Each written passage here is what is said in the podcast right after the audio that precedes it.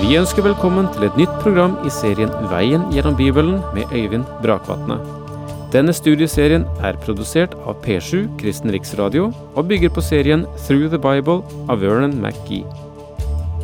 I dag fortsetter vi med Johannes' åpenbaring.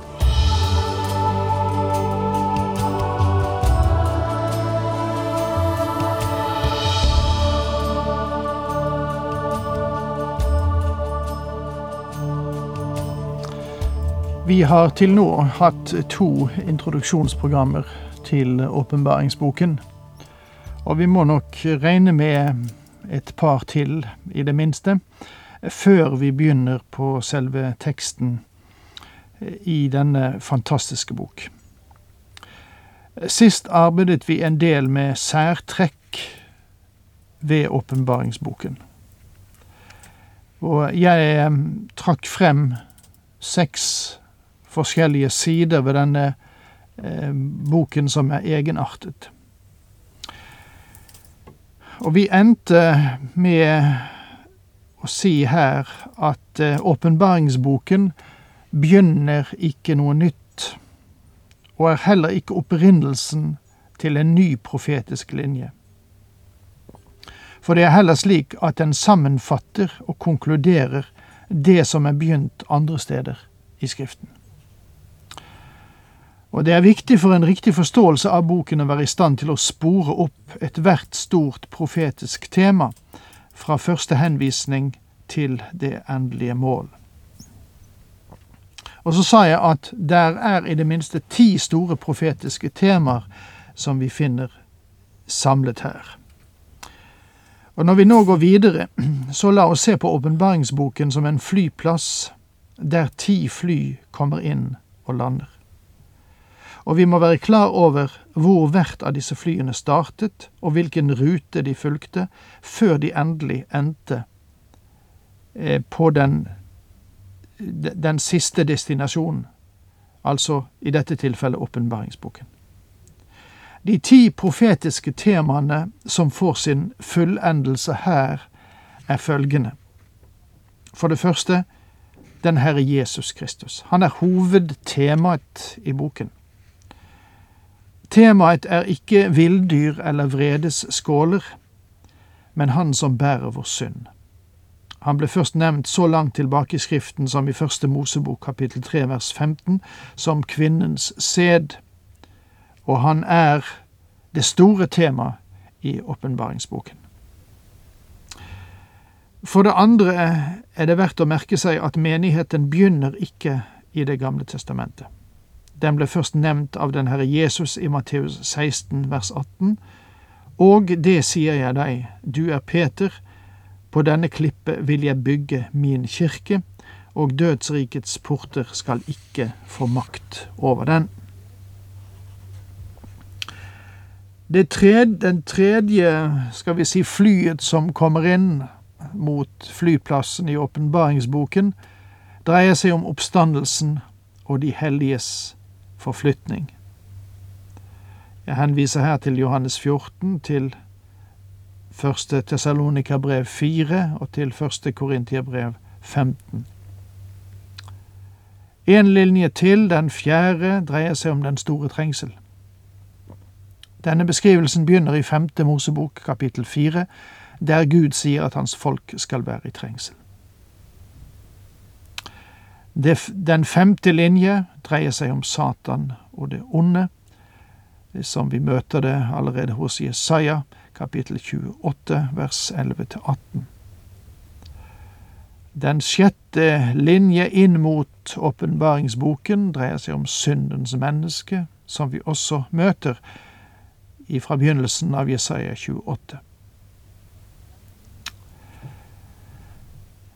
Den sjuende linjen som trekkes her, dreier seg om fremvekst av og slutten på en frafallen kristendom. Jeg henviser til Daniel 2 og til Matteus 13.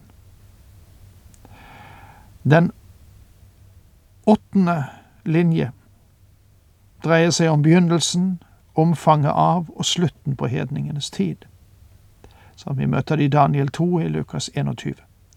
Den Herre Jesus sa at Jerusalem skulle ligge nedtrådt av hedninger inntil hedningenes tid var fullbyrdet. Den niende linje dreier seg om Kristi annet komme. Ifølge Juda 14 og 15 talte Enok om dette, som fører oss tilbake til tiden for første Mosebok.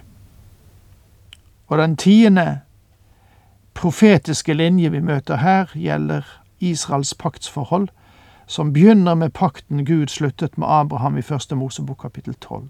Gud lovet Israel fem ting, og Gud ser i åpenbaringsboken at han vil fullføre samtlige av dem. Så litt om disposisjonen av denne boken. La meg komme med den positive uttalelsen. Åpenbaringsboken er ikke en vanskelig bok. Det finnes en del mennesker, også teologer, som har forsøkt å gjøre den til en vanskelig bok. Og en del teologiske retninger anser den for å være symbolsk og en bok som er vanskelig å forstå. Faktum er at dette er en av de best disponerte bøker i Bibelen, og vi behøver ikke å misforstå den om vi ikke vil. Ingen annen bok i Bibelen er så stringent, så velordnet i sin form som åpenbaringsboken. Det vises annet ved at den er lett å inndele. Og Johannes nedtegner også de retningslinjer Kristus gav ham. Og det står slik, skriv det du har sett, det som nå er, og, der, og det som heretter skal komme. Altså fortid, nåtid og fremtid. Vi vil også se at boken deler seg videre opp i serier på syv, og hver del er så ryddig som den på noen måte kan være. Og du finner ingen annen bok i Bibelen som har en så stram form. For den som påstår at alt sammen bare er symbolikk og utenfor vår forstand, så er min påstand at vi bør ta åpenbaringsboken like bokstavelig som øvrige bøker i Bibelen. Og når det blir brukt et symbol, så blir det også forklart. Boken vil videre være symbolsk for realiteter, det vil si for en bakenforliggende virkelighet, og realitetene vil være mer virkelig enn symbolet, av den enkle årsak at Johannes bruker symbolet for å beskrive realitetene. Og når vi nå skal studere denne boken, så er det et overordnet prinsipp som vi må følge. La oss tillate åpenbaringsboken å si det den ønsker å si, ikke det vi i første rekke vil at den skal si. Og det er en kolossal stor forskjell på disse, disse to måter å nærme seg denne boken på. Og Derfor har vi ingen rett til å gripe inn i denne boken og trekke ut noen av de vidunderlige bilder Johannes beskriver for oss, og tolke dem som om de finner sted i vår tid. Noen av dem er symbolske, symbolsk for virkeligheten, men ikke en virkelighet som nettopp nå rulles opp. Kirken stilles frem for oss i form av syv menigheter som var eksisterende menigheter på Johannes' tid. Jeg har dessverre ikke besøkt noen av stedene der disse menighetene fantes. Det er en ting jeg håper å få være med på en gang, og eh, granske resten av disse menighetene og se dem fungere i den lokale sammenheng, må være en stor opplevelse. Johannes beskrev en lokal situasjon. Men gjennom det ga han også antydninger om kirkene som helhet. Men så, etter kapittel tre, nevnes ikke kirken eller menigheten mer. Etter dette er menigheten ikke noe tema igjen for hele resten av åpenbaringsboken. Og så kan du spørre, betyr det at menigheten er lagt død? Nei, ikke nettopp det, men den forlater jorden og løftes opp til himmelen. Og der fremtrer den som Kristi brud. Og når vi møter henne i siste del av åpenbaringsboken, så er hun ikke menigheten, men bruden. Fra starten på kapittel fire ligger alt det etterfølgende avgjort i fremtiden, sett fra vårt utsiktspunkt. Så hvis noen griper inn og drar ut en åpenbaring, et syn om hungersnød eller krig eller noen lignende, så passer det ikke helt inn i dagens bilde. Vi må la Johannes fortelle tingene i sammenheng som de er, og slik bør vi også la hele Bibelen tale til oss. La den få si det den ønsker å si. Og det at det er mulig å fremsette ville og forskrudde påstander på mange punkter i denne boken, er årsaken til at jeg går inn i den med atskillig frykt. Det er interessant å legge merke til at spørsmål om profetiene er lagt særlig vekt på i vårt århundre. De store læresetninger i kirken har blitt utviklet gjennom visse historiske perioder. Først dreier det seg om Skriften som Guds ord.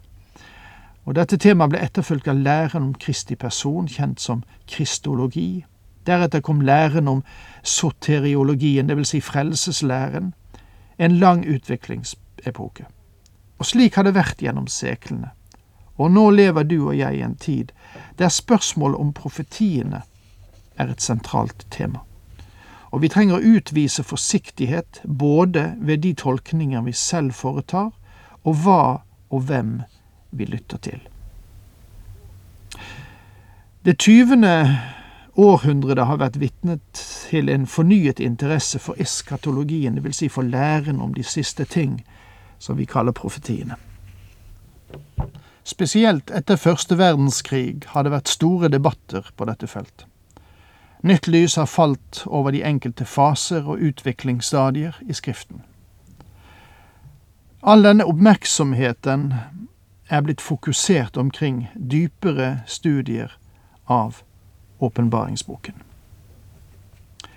I min gjennomgang av denne boken har jeg forsøkt å unngå den grøften å skulle presentere noe nytt og spesielt som skal fremstå som annerledes. Jeg har også forsøkt å unngå å bare gjengi klisjeer. En annen fare vi også må forsøke å unngå, det er å tro at åpenbaringen kan vi sette opp som grafiske linjer. Selv om jeg personlig har prøvd å illustrere åpenbaringens innhold med noen streker når jeg har undervist om dette, så er det langt fra tilfredsstillende. Og årsaken er at hvis vi skulle ta med alt på et slikt oppsett, så ville det bli så komplisert at få ville forstå det eller ha glede av det. På den andre side, hvis det, hvis det er for kort eller for forenklet, så kan det også være misvisende. Men jeg håper at vi skal kunne føre en tilfredsstillende linje der vi begynner med Kristi kors og Hans himmelfart. I åpenbaringsboken kapittel 1 ser vi den herliggjorte Kristus. I kapittel 2 og 3 møter vi Kirken. I kapittel 4 og 5 ser vi at menigheten er i himmelen. Og på jorden ser vi at den store trengsel finner sted og det dekker kapitlene 6 til og med 18. I kapittel 19 vender Kristus tilbake til jorden og oppretter sitt rike, og kapittel 20 gir oss Kristi tusenårige rike og herrevelde. Deretter settes den store hvite troen opp, stedet der de fortapte ble dømt, og i kapittel 21 og 22 begynner evigheten. Det er i korte trekk åpenbaringsboken. Takk for nå. Herren med deg.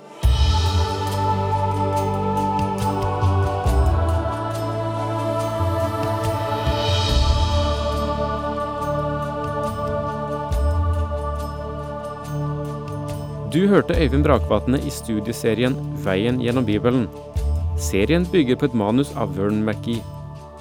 Har du spørsmål eller kommentarer til programmet, kan du sende en e-post til vgb krøllalfa p7.no. Takk for i dag, og på gjenhør.